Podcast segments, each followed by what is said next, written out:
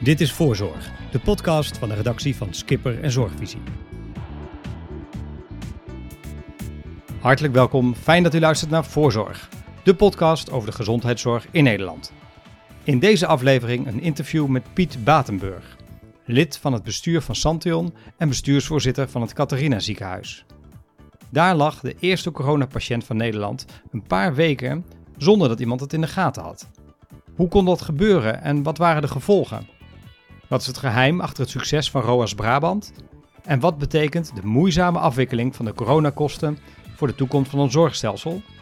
Dat en meer komt aan de orde in gesprek met redacteur Philip van der Poel. Jij uh, bent twaalf jaar bestuursvoorzitter van Catharina geweest. Je laatste jaar dit. Ik kan me voorstellen ja. dat je dat laatste jaar anders had voorgesteld. Klopt die veronderstelling? Nou ja, Filip, die veronderstelling klopt. Kijk, uh, ik rond mijn twintigjarige bestuurlijke carrière af, van acht jaar in het in Franciscus daarvoor. Daarvoor was ik medisch specialist, internist. In het voormalige Maastad ziekenhuis, tenminste zo heet dat nu. En ja, het is natuurlijk, het staartje is wel heel anders. En op verzoek bleef ik zelf nog een paar maanden langer. Hm pandemieën, die uh, kende ik alleen maar op papier. We hadden een uh, pandemieplan in het ziekenhuis, wel in de kast liggen. We hebben in ROAS-verband uh, anderhalf jaar geleden ook wel eens wat geoefend. Of niet, ja, in de regio moet ik zeggen, niet ROAS, zeg in de regio. Hebben we geoefend, wel. En, maar ja, dat dat zo zou komen, dat had ik natuurlijk nooit gedacht met deze, met deze impact. Is het misschien wel de meest uitdagende periode uit je bestuurscarrière geweest? Nou, ik heb wel andere uitdagende perioden ook gekend, laat ik, dat, laat ik het zo zeggen. Maar het staat wel op het lijstje van een van de, de zeer memorabele periodes. Ja. Waar, waar, waar, ligt het zwaartepunt van het werk van het besturen in zo'n tijd van een pandemie? Als ik daarop terugkijk, dan zeg ik van nou, eh, in de eerste plaats, je doet het met elkaar. Hè? Hmm. En dan gewoon, eh, het zwaartepunt ligt toch eh, om te zorgen dat je een goed plan hebt. Dat de mensen, de, de goede mensen in positie hmm. staan dat verantwoordelijkheden goed zijn, eh, goed zijn belegd. Dat je die structuur van zo'n crisisorganisatie ook, eh, ook goed, eh, goed vasthoudt. Want dat maakt ook dat je de goede besluiten met elkaar, met elkaar neemt. Ja, dat je goed je oren openhoudt. Dat je goed communiceert. En dat je eigenlijk altijd ziet dat je de boel een stap voor bent. Kijk, als, in Brabant hebben we natuurlijk in het hart van de pandemie gezeten. Wij hadden als Catharina ziekenhuis een heel klein voordeel. dus hij begon in Tilburg. Vervolgens in, uh, volop in, uh, in Breda. En wij kwamen er iets achteraan in, om, in tijd. Niet zozeer in omvang. En daardoor hebben we ons, uh, ons pandemieplan goed op tijd kunnen updaten. En we hebben ook steeds eigenlijk de boel voor, voor kunnen zijn. En we zijn nu aan het evalueren. En dan krijgen we ook uit de organisatie terug. We hebben steeds het gevoel gehad dat, dat we goed in controle waren met z'n allen. Weet je nog wanneer Catharina voor het eerst rechtstreeks met het coronavirus ja, te maken kreeg? Ja, ja, ja, ja, ja. Kijk, kijk, wij, wij, kijk één, we zagen het natuurlijk aankomen toen het, toen het begon in, uh, zeg maar in Europa. Toen wisten we natuurlijk dat het een kwestie van tijd was dat het in Nederland zou komen en in het, uh, in het Catharina zou, uh, zou komen. Het was 27 februari toen de eerste coronapatiënt in het Elisabeth II Steden kwam. Vervolgens was, die, was 1 maart was dat in het Beatrix ziekenhuis in, in Gorkum. En uh, dinsdag 3 eh, maart, toen kregen wij het bericht dat een patiënt die bij ons al een paar weken lag, dat hij positief getest was op corona. En uh, ja, dat, dat gaf nog een extra dimensie, want we hadden dus al langer in huis. En dan kan je natuurlijk de vraag stellen van, hey, hebben we ergens een steek laten vallen? Want dat was natuurlijk ook mijn eerste, mijn eerste gedachte. Mm -hmm. Maar dat bleek een, een, een, patiënt te zijn die een, die een beeld had van een longontsteking die niet opklaarde waar uh, die niet in de, wat toen uh, heel rigide was, de case-definitie van het RIVM. Hè, man was niet in het buitenland geweest, had geen contacten, uh, enzovoort, enzovoort. Mocht je volgens de regels van het RIVM van toen ook niet toetsen. En dat ging met die patiënt ging het slechter. En toen zei de, de arts van, ik wil met, uw met uw familie wil ik spreken ook. En uw vrouw, ja, mijn vrouw is ziek, want die heeft de veteranenziekte. Hmm. Veteranenziekte? Ja, mijn, mijn, uh, mijn dochter en schoonzoon ook, die is net terug uit Italië. Die hebben de veteranenziekte. Toen bleek dus dat die familie corona had. En die had zich gemeld bij de GGD. En de GGD had toen gezegd van ja, nee hoor, u bent niet in een gebied in Italië geweest waar risico is. Maar in werkelijkheid was het er wel. En die hadden die man besmet. En die man lag bij ons in het ziekenhuis. Goh, we horen er al meer verhalen over. Dat die casusdefinitie toch uh, soms ziekenhuis apart heeft gespeeld. Ja. Zijn we daar niet te strikt in geweest? Hadden we niet ja, maar ja, kijk, achter, achteraf, achteraf is alles makkelijk. Achteraf is alles makkelijk. Maar goed, dat betekende dus dat wij eh, dat we direct natuurlijk eh, die patiënten hebben geïsoleerd. Dat we ringonderzoek zijn gaan doen onder patiënten, onder medewerkers. Eh, ja, en dat wij vervolgens ook de, de, eerste, de eerste cohortafdeling zijn gaan voorbereiden. Wat in ieder geval geruststellend was, want we hebben toen meer dan 100 medewerkers zijn er onderzocht. Dat slechts bij twee medewerkers waren besmet. En die hadden ook maar geringe klachten. En dat waren ook mensen die ook, eh, zeg maar, de een daarvan die, ja, die echt heel dichtbij die patiënt had, eh, had verzorgd. En dat andere patiënten niet besmet, eh, niet besmet waren. Ja, en toen, daarna ging het, ging het gestaag. Ging het, ja, crisisorganisatie op, hadden we dus paraat, hadden, die hebben het opgetuigd. Die, en dat werkt dan beleidsteam, operationeel team. En dan heb je in het operationeel team heb je dan weer verschillende operationele teams. Materialen, logistiek, et cetera.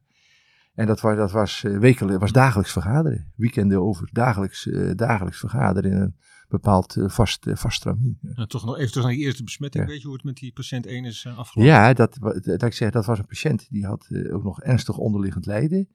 En die, zou, die het volgens de statistieken niet zou moeten overleven, maar die heeft wel overleefd. En die is, die is, die is genezen naar huis toegegaan. Eigenlijk een ja, bijna hoopvol Ja, begin, zou je kunnen zeggen. En, en vervolgens ja, kwamen natuurlijk gestaag, kwamen de patiënten kwamen, eh, kwamen, kwamen, binnen, kwamen binnenstromen.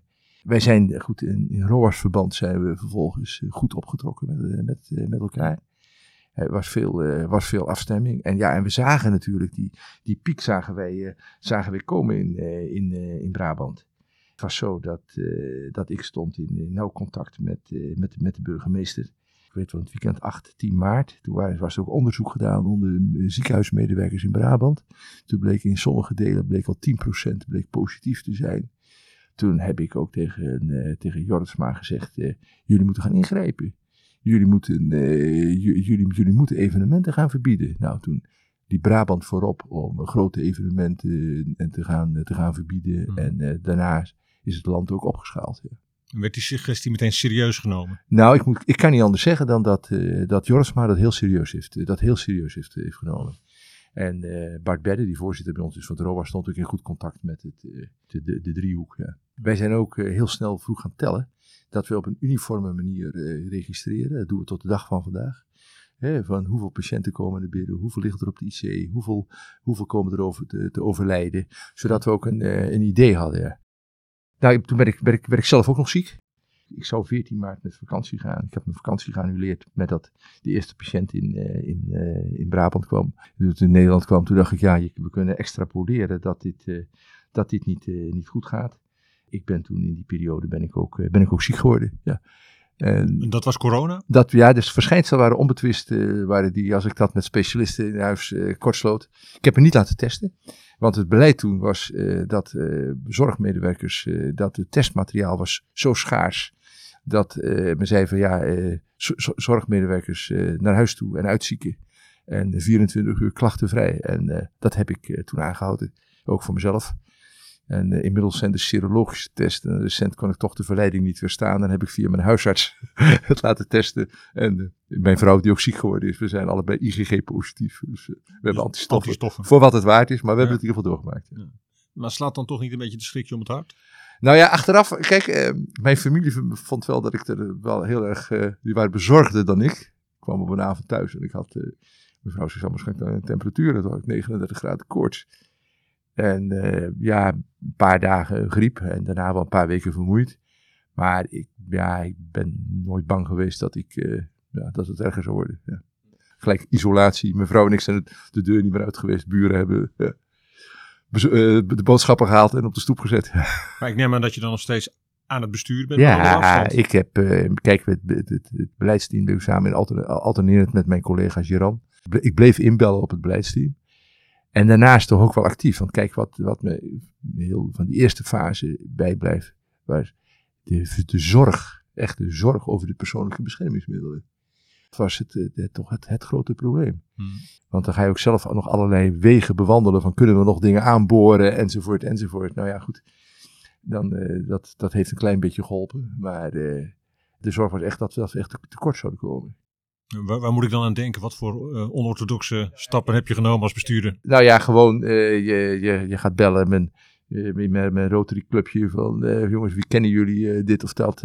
vervolgens kregen er de mensen die zichzelf bij je melden. Nou, uiteindelijk is denk ik ongeveer 5% is, want dat leid ik dan naar mijn werkgroep materialen. Hm. kan, je, kan je wat mee? Mijn, mijn collega die, had een, had, had, die kende een bedrijf dat maakte schorten. Nee, wij, wij, het probleem was dat wij schorten met lange mouwen moesten hebben.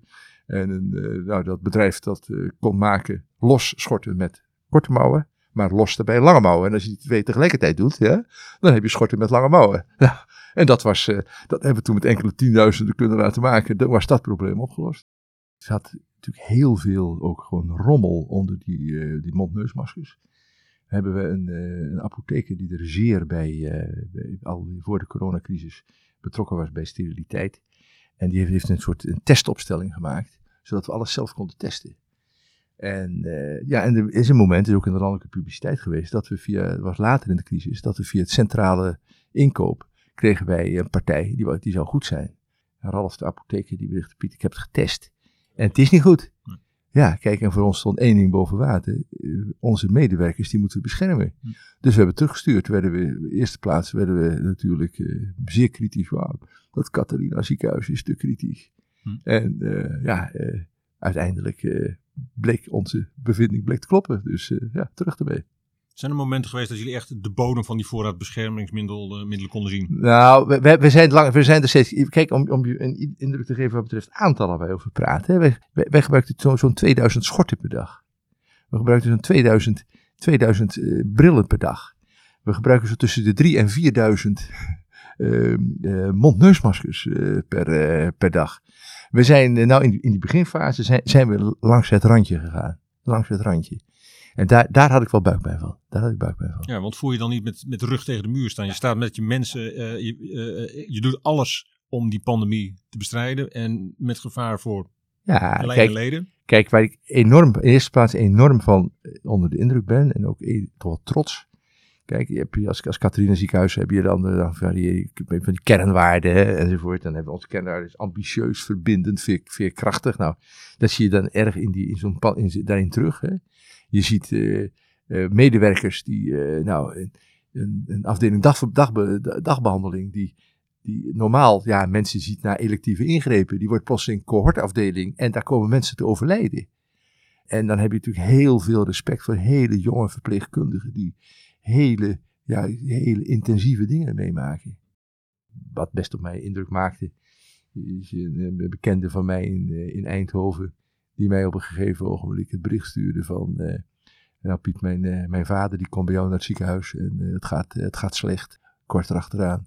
Mijn moeder komt naar het ziekenhuis, het gaat slecht, kan je zorgen dat ze bij elkaar komen te liggen? Nou, dan doen we dat altijd met, met echtparen. En vervolgens krijg je, blijf je op de hoogte hoe uiteindelijk die man overlijdt. En dat de familie dan heeft, heeft afscheid genomen. En dan hebt hij van ja, mijn vader overlijdt nu in de armen van mijn moeder. Dat is toch ingrijpend. Ja. Hoeveel, hoeveel, patiënten hadden jullie op het hoogtepunt van wij hadden op het, hoogte, Philip, op het hoogtepunt hebben wij in totaal hebben wij 386, nee laat ik het zo zeggen. Op het hoogtepunt zaten we op ongeveer 130 patiënten in huis, waarvan 110 bewezen en, en, en, 20, uh, en 20 verdacht. En dat viel in de periode ongeveer zo tussen de 3 en de 8 april. Uh, zo 130, 140. In zijn totaliteit hebben we in het, uh, in het Catharina ziekenhuis hebben wij 386 coronapatiënten gezien. Waarvan er 101 zijn overleden. En dat zijn dus zijn, zijn, enorme, zijn enorme aantallen. Wat een ander punt van zorg was, was natuurlijk de intensive care capaciteit. We zagen die enorme stroom in Brabant en waar we vroeg mee begonnen zijn, was patiënten uit, uitplaatsen naar het noorden de rivieren. Want ongeveer van de cohortafdelingen kan je zeggen dat ongeveer 4, 1 op 4, 1 op 5 gaat naar de IC. Dus je weet als je zo'n patiënt op een cohortafdeling hebt liggen, dat je weer een toestroom hebt naar je IC. En we konden berekenen dat wij op een gegeven moment in de problemen zouden komen. Nou, met dank aan de ziekenhuizen Noorden de rivieren hebben we veel patiënten daarheen kunnen sturen, zodat ze daar opgevallen zijn, opgevangen zijn. We hebben onze IC-capaciteit hebben we verhoogd. Uh, wij zaten uiteindelijk op 250% van onze IC-capaciteit. Normaliter hebben wij een uh, IC van, uh, van 18 bedden. En we hebben nu opgestaald naar een totale IC van, eh, van, van, van 46 bedden, waarvan 34 COVID-bedden. Wat echt ook wel de zorg was, het angstscenario is dat we daar overheen zouden komen. En dat we die patiënten niet kwijt zouden kunnen. En wat doe je dan? In de eerste plaats hadden we nog wel een noodvoorziening dat we er nog ergens twee of drie zouden kunnen neerleggen. Dus officieel 34. En dan ergens konden we dan nog wel op, de, op een plek konden er nog wel twee of drie huis. Maar de zorg van komen. En we zaten eigenlijk per dag te kijken van, en dat god niet alleen voor ons, maar voor heel Brabant, van hoe, hoe klimmen we daar gestaag, gestaag naartoe. Ja, want hoe dicht zijn jullie bij die beruchte, beruchte code zwart geweest? Op 8 april zaten we op 31. Ja. En daarna ging die, ging, ging die naar beneden. En wat wij ook hadden, want wij, we hadden niet patiënten uit onze eigen, vanuit onze eigen adherentie, maar om ons heen een paar kleinere ziekenhuizen. Die, ja, waar die gewoon over de, scho de schoenen liepen. Met name bijvoorbeeld het ziekenhuis Bernhoven. is natuurlijk uitgebreid in de publiciteit geweest. En we hebben ook nog heel veel patiënten uit Bernhoven hebben wij, uh, hebben, hebben opgevangen. Ja. Als we nog even teruggaan naar dat, naar dat, dat lijden, die sterfte.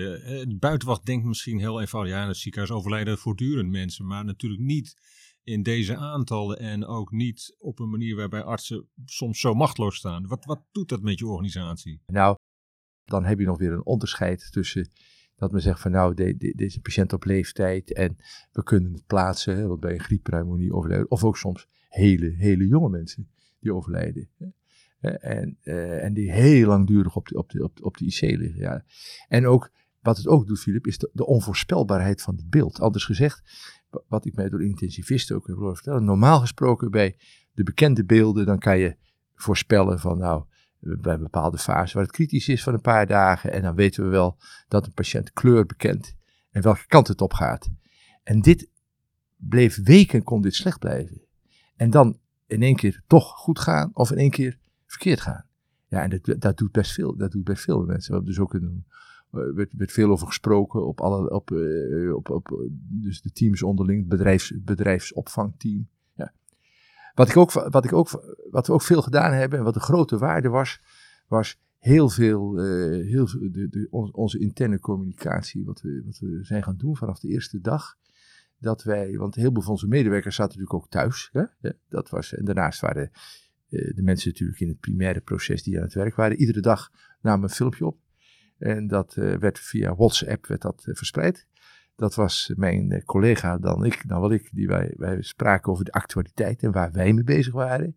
En we brachten altijd even in beeld van, ook in beeld, nou dat bijvoorbeeld, dan was het, zeg maar, hoe, hoe is nou het werken op zo'n cohortafdeling? Of hoe is het werken op een IC?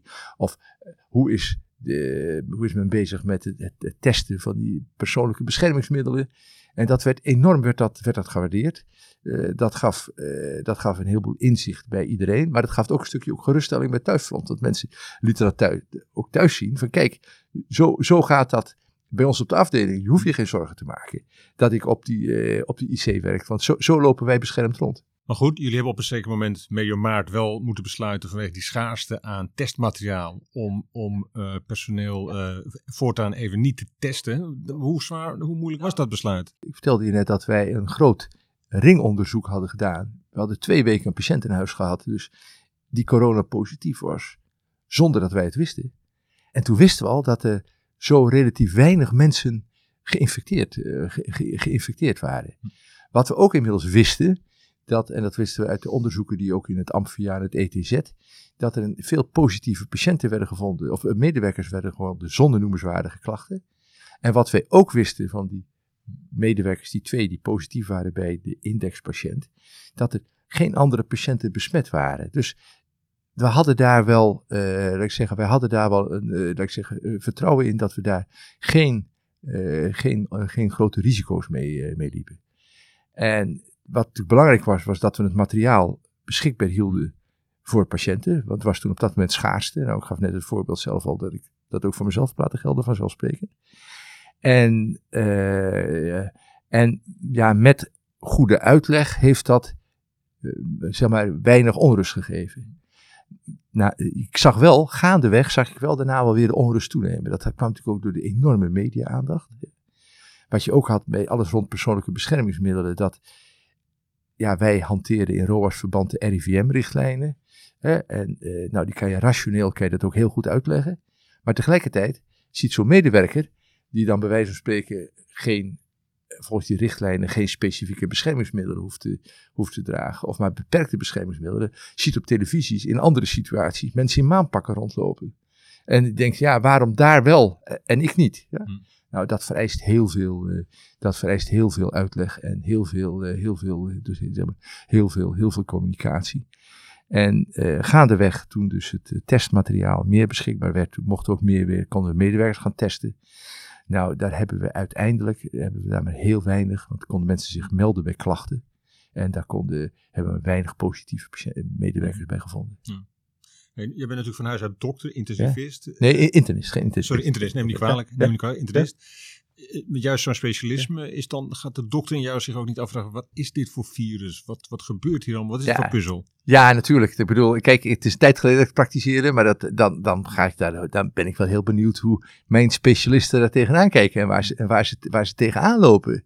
Hè? En, en, en, en, en, ook en dan, eh, hoe ze dan met, met delen, ook de, gewoon de hele moeilijke voorspelbaarheid van zo'n eh, van, van, van, van zo'n beeld. Ja.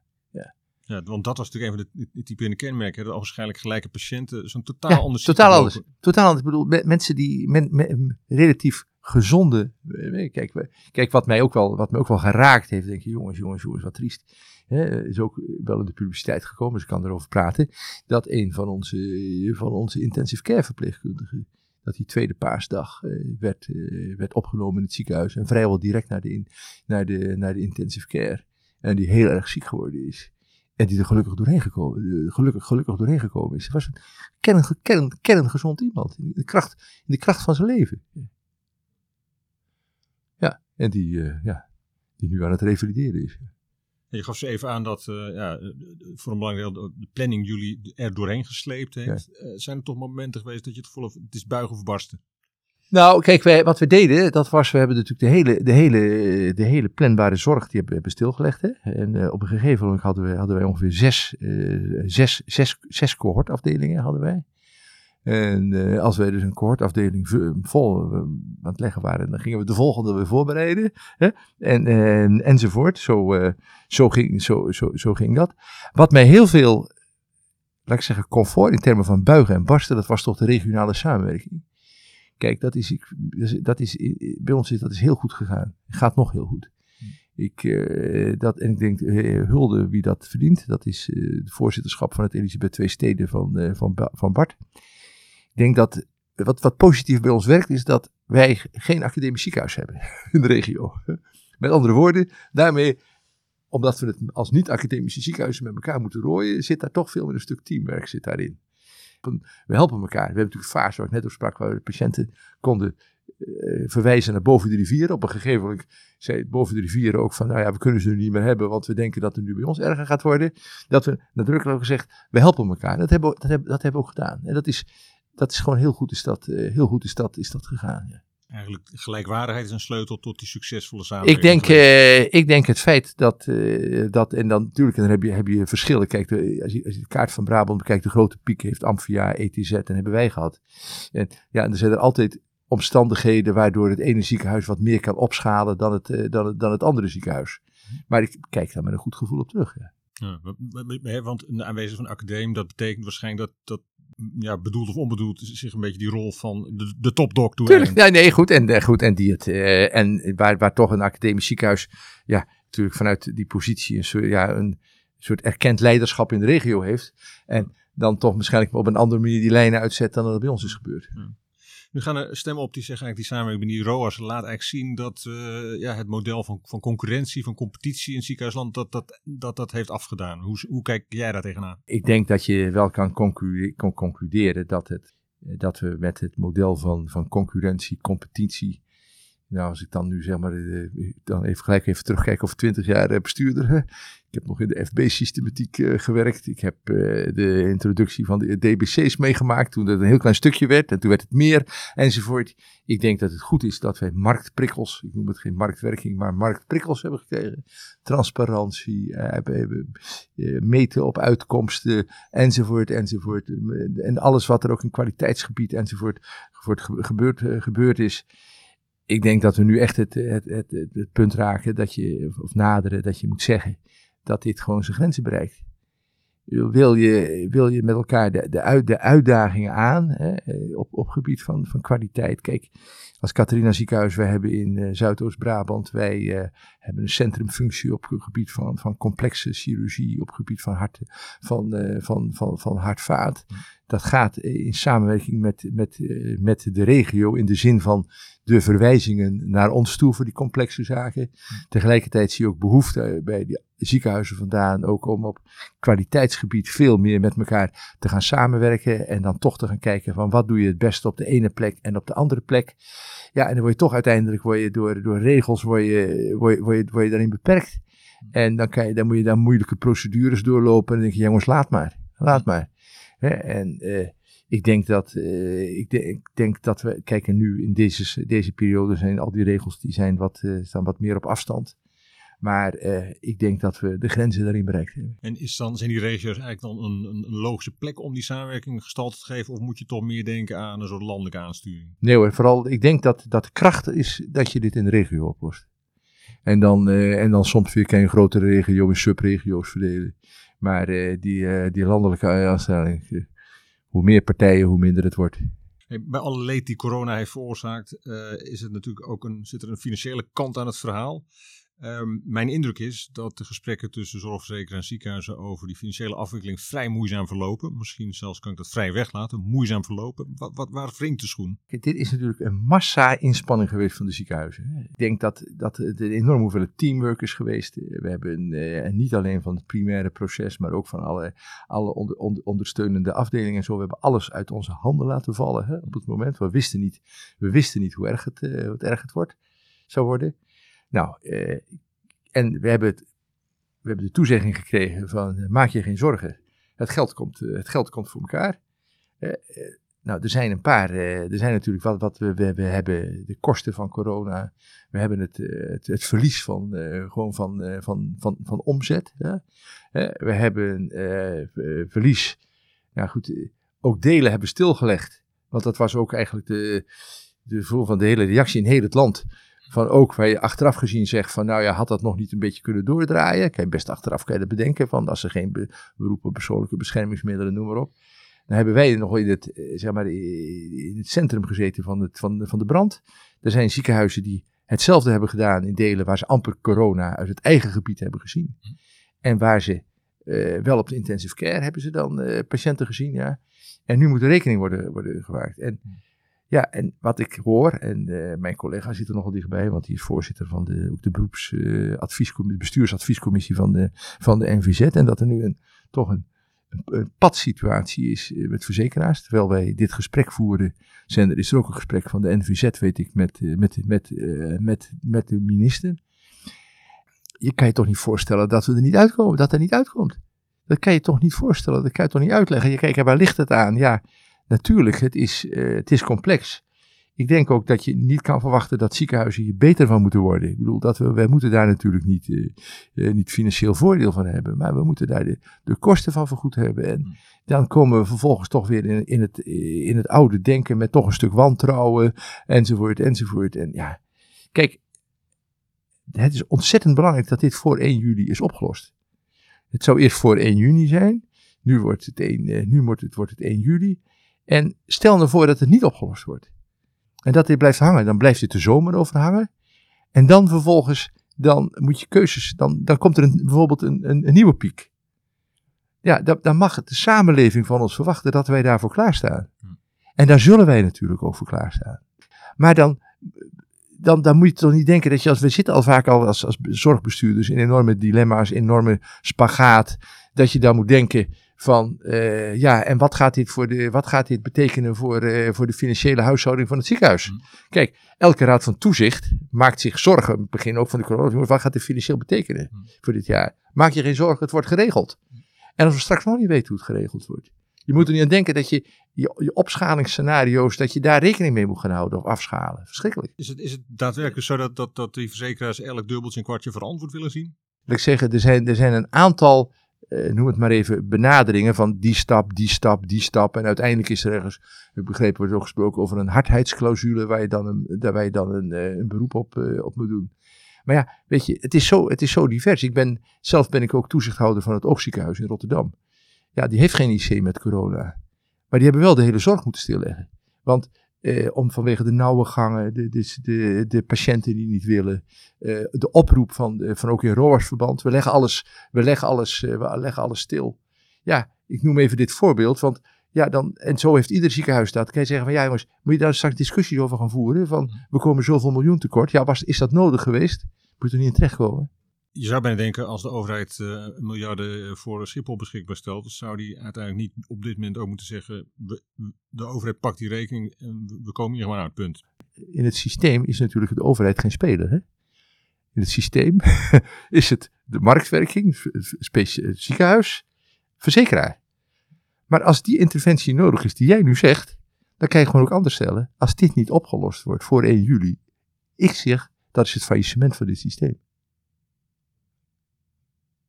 Oude uitspraak.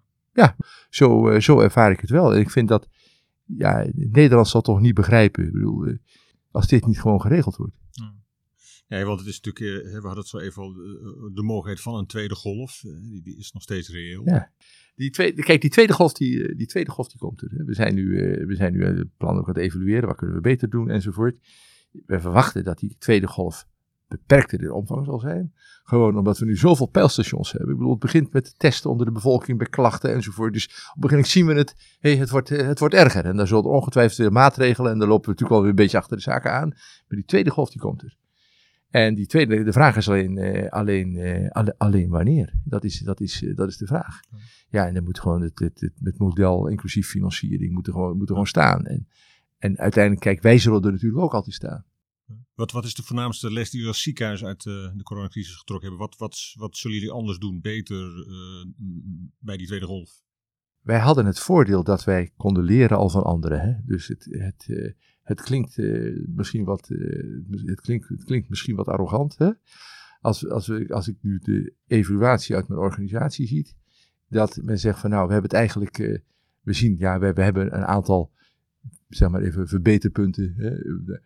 Als ik even kijk, we hebben natuurlijk een best in het begin een wat moeilijke communicatie gehad over die persoonlijke beschermingsmiddelen. Want dat ging, bij de RIVM ging dat ook heen, heen, heen en weer. En daarmee gingen wij ook in de beginfase hm. heen en weer. Hè. Dus dan, dan heb, je daar, heb, je daar, heb je daar bijvoorbeeld zo'n punt. Hè. Kunnen we nog meer van de, van de, van de, van de reguliere zorg laten, laten doordraaien. Hebben we daar, hebben daar, hebben daar nog hebben daar voldoende, voldoende, voldoende aandacht voor? Ik mag mij gelukkig prijzen dat ik in een ziekenhuis werk waar, uh, ja, waar mensen gewoon in beweging komen, al dingen al gaan doen, zonder dat, zonder dat het van bovenaf aan zegt. Hè. Wat me altijd bij zal blijven. Ik de, begon, begon in, de, in uh, die pandemie ergens in Europa en mijn specialist manager van de intensive care, we hebben een systeem van managementparticipatie, die belde, die had volop meegedacht met het pandemieplan al. En die ging met wintersportvakantie en die belde me op en zei: Piet, als ik nodig ben, dan kan je me bellen. Dan kom ik terug. En uh, vervolgens uh, waren we drie, vier dagen later. En uh, ik kreeg het berichtje, Dick is al onderweg. Want die, vertrouwt het niet. Nou, en zo hebben we, ik noem even dit, dit voorbeeld, maar zo hebben, zo hebben we meer mensen.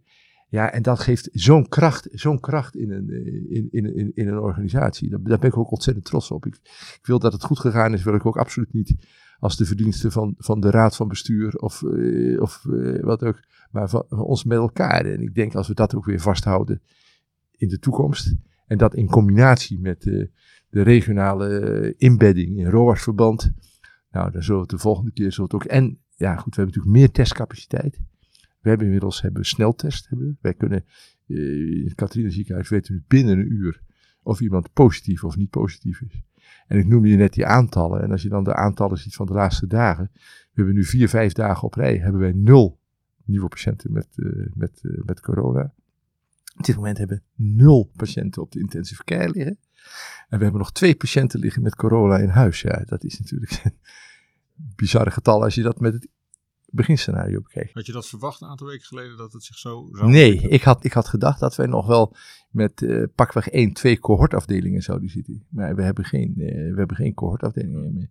Kijk, wat nu de zorg natuurlijk is, is als we straks, uh, als het weer komt, hoe laten we die, die reguliere zorg, ook onze complexe zorg, die, die, hoe laten we dat goed doorgaan? De vorige keer hebben we natuurlijk de operatiekamer sterk afgeschaald.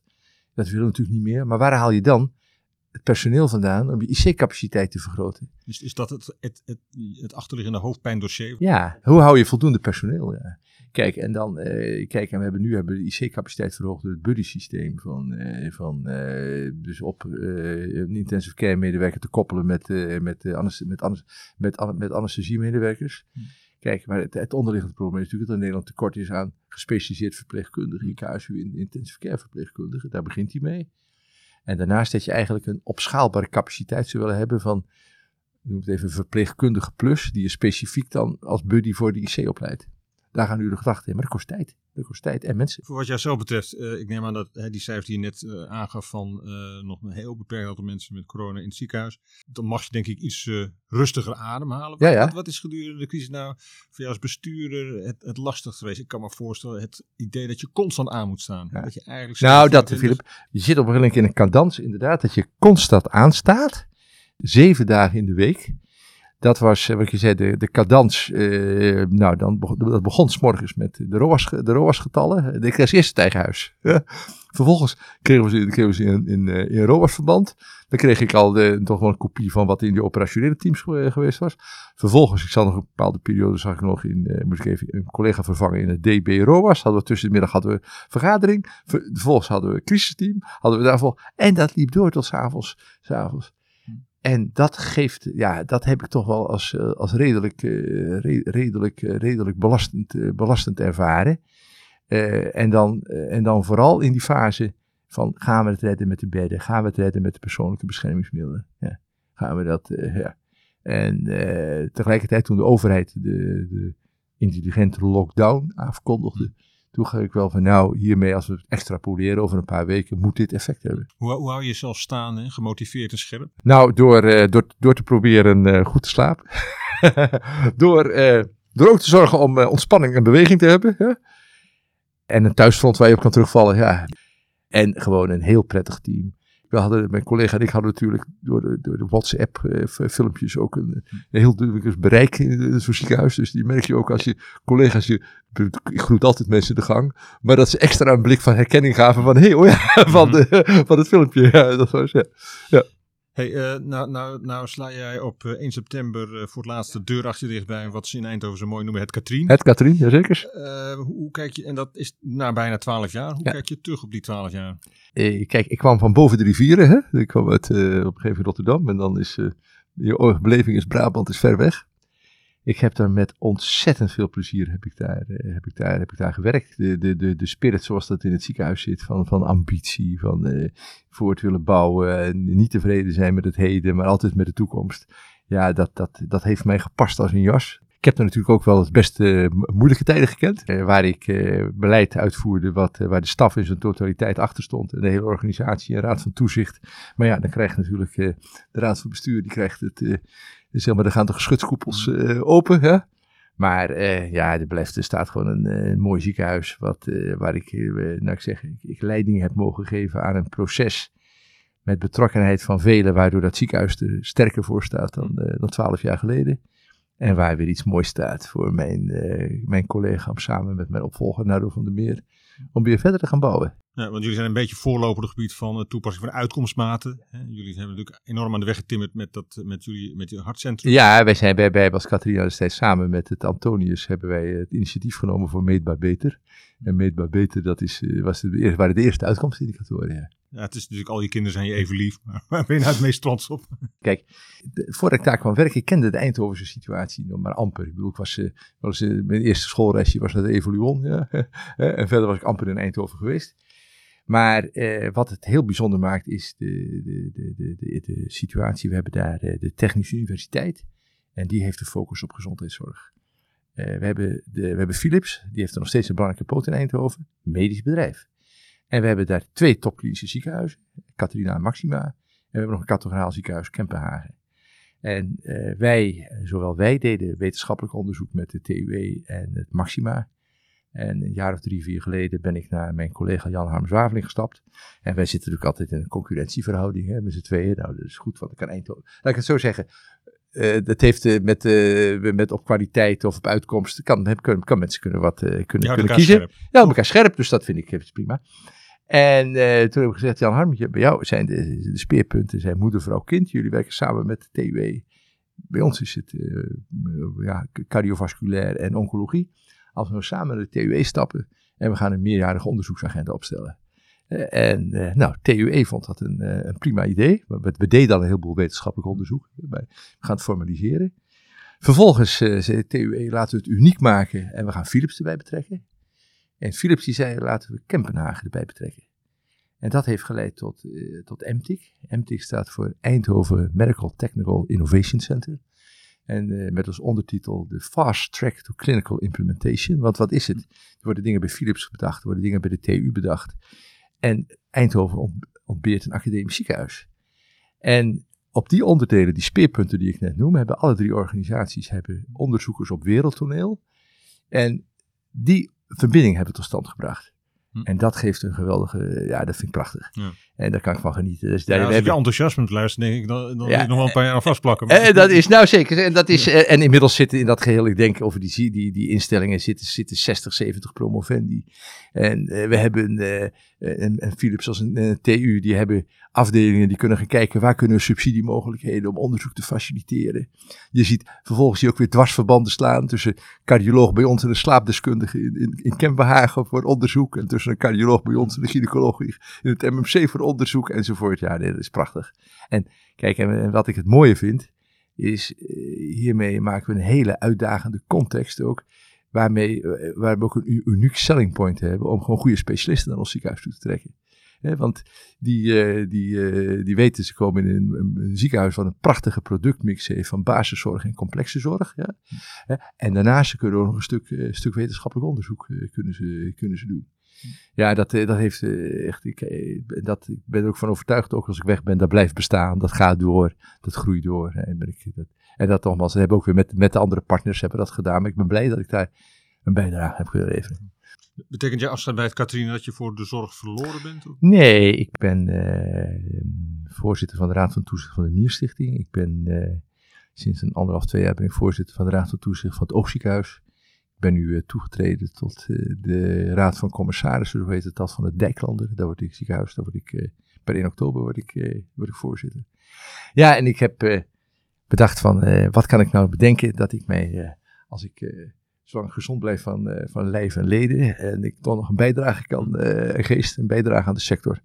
En ik heb mij, vorig jaar heb ik mij laten opleiden tot geregistreerd mediator bij conflicten. Ik heb, ben inmiddels, ik heb de examens daarvoor gedaan. Ik, heb, in, ik ben nu formeel ingeschreven. Ik ik vond dat waanzinnig leuk. Hmm. Ik vond het waanzinnig leuk.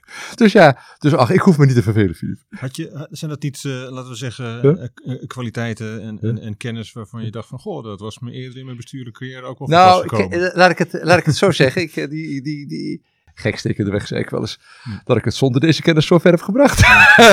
nou, laat ik, het, uh, laat ik het zo zeggen en dan, dan refereer je uh, natuurlijk ook aan de dingen die ik heb meegemaakt in het, in het Catharina ziekenhuis, wat in de publiciteit gekomen is. Uh, een slepend conflict wat er geweest is met uh, een, een, een, vakgroep. Hè? Ik geloof dermatologie was het, geloof ik. Ja. Eigenlijk komt het meer dat, dat leer je ook, dat niet alle conflicten mediabel zijn. Het mooiste is natuurlijk als je dit soort zaken kan voorkomen. Ja. En daar kan mediation soms, mits in een vroege fase, en kan, daar, kan daar een bijdrage aan leveren. Dus uh, ja, we kunnen je ook terugzien in de zorg uh, om, om, te praten en, en, en, mensen vooral proberen bij elkaar te brengen. Kijk, ik denk dat je kan zien, dat we leven natuurlijk in een ontzettend complexe sector met een enorme wederkerige afhankelijkheid. Hè? Hm. En waar, waar mediation bij uitstek geschikt voor is, is, is situaties waar een enorme wederkerige afhankelijkheid is. Dat is in de, de sector, om, om daar dingen met elkaar op te lossen. Hm. Ja, en die wederkerige afhankelijkheid wordt bepaald niet minder nu we zorg in ketens en netwerk organiseren. Nee, zeker, zeker, zeker, zeker, zeker. Okay. Nou, leuk. Laten we daar dan uh, in de toekomst eens over doorpraten. Ja, heel leuk vind het. Ja, ja. Piet, dankjewel voor dit, uh, voor dit leuke gesprek. Wederzijds.